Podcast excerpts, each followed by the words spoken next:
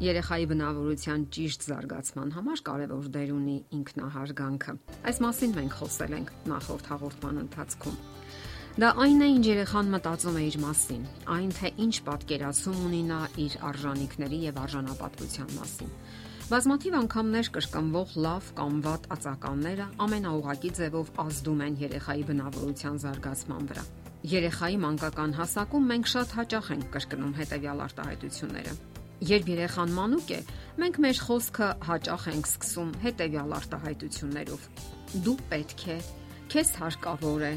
եւ այլն։ Այստեղից էլ ձևավորվում են այն նպատակներն ու իդեալները,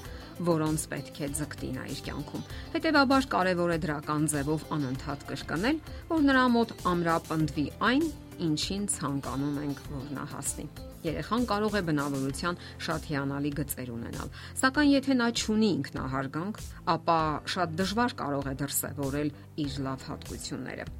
Չնայած երեխայի բնավորության որակներն ու վարքագիծը կախված են անznավորության ընդհանուր բարոյական մակարդակից, ինքնահարգանքը հետևողական է դարձնում նրա վարքագիծը։ Ահա թե ինչու կարևոր է սովորեցնել, թե ինչն է լավ եւ ինչն է վատ ոչ մի երեխա բարու եւ չարի միջև ընտրություն կատարելու բնածին ընտունակություն չունի։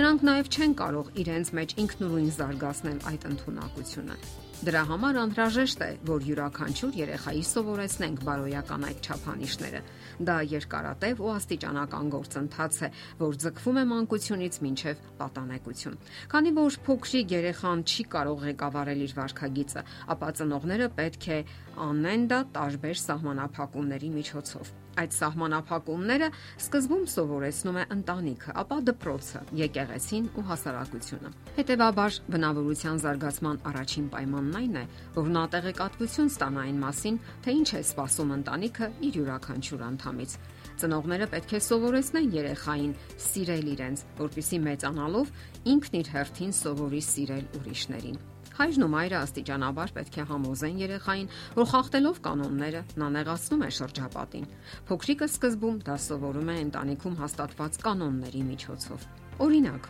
ասենք փոքրիկը սովորում է չվերցնել ուրիշների իրերը։ Պատժելով երեխային նման արարքների համար, ծնողը աստիճանաբար նրան սովորեցնում է ենթարկվել վարքագծի համընդհանուր ընդունված չափանիշներին։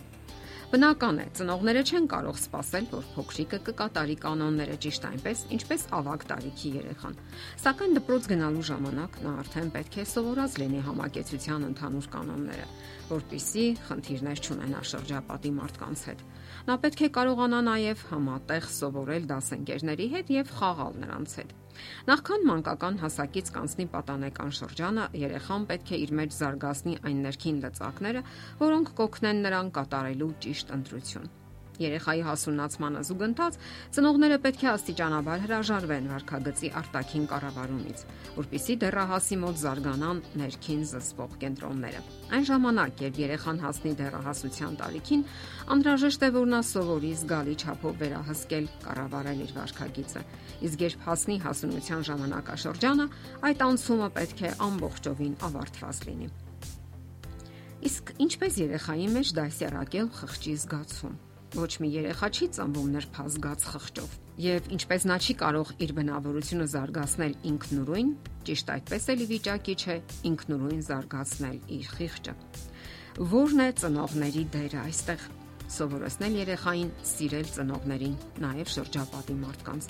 Ապա աստիճանաբար պետք է սովորեցնել երեխային, որ խախտելով հասարակության մեջ ընդունված կանոնները, նրանք վնաս են հասցնում նաև շրջապատի մարդկանց։ Եվ երբ փոքրիկը սովորի սիրել ու հարգել ուրիշների իրավունքներն ու առավելությունները, նա արդեն անհանգստություն կզգա ու խղճի խայտ, երբ վիրավորի ինչ որ մեկին։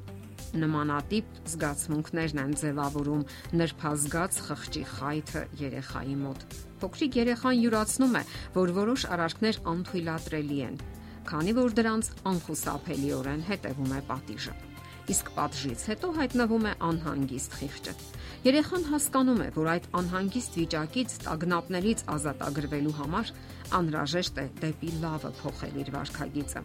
Եթե երեխայի վարքագիծը չի համապատասխանում չափանիշներին, ապա նա ամենայն հավանականությամբ խղճի խայտ կզգա կամ էլ մեղավոր կզգա իրեն։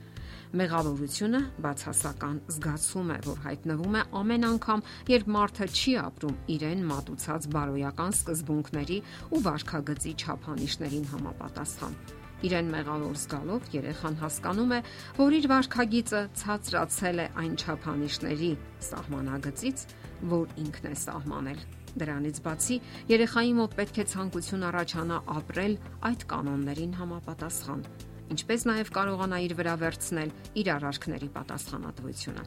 Եվ վերջապես, երեխան պետք է հստակ եւ որոշակի իմանա, թե ինչը չի համապատասխանում համընդհանուր չափանիշներին։ Կարևոր է նաև, որ ծնողները սովորեցնեն երեխային չվախենալ արարքների համար պատասխանատվություն կրելուց։ Բոլոր դեպքերում երեխան պետք է ընդունակ լինի գնահատել իր արարքների հետևանքները եւ դրանց ազդեցությունը այլ մարդկանց վրա պահանջկոտ, սակայն քնքուշ ծնողները չպետք է ափսոսան ժամանակը եւ երեխային բացատրեն իր արարքների հետևանքները։ Հենց այդպիսի ծնողներն էլ վերջին հաշվով հասուն, պատասխանատու բնավորություն են զարգացնում իրենց երեխայի մեջ։ Իսկ դա իսկապես խիստ կարևոր է։ Եթերում ընտանիք հաղորդաշարն է։ Ձեզ հետ է Գեղեցիկ Մարտիրոսյանը։ Հարցերի եւ առաջարկությունների դեպքում զանգահարեք 094 08 2093 հեռախոսահամարով։ Հետևեք մեզ hopmedia.am հասցեով։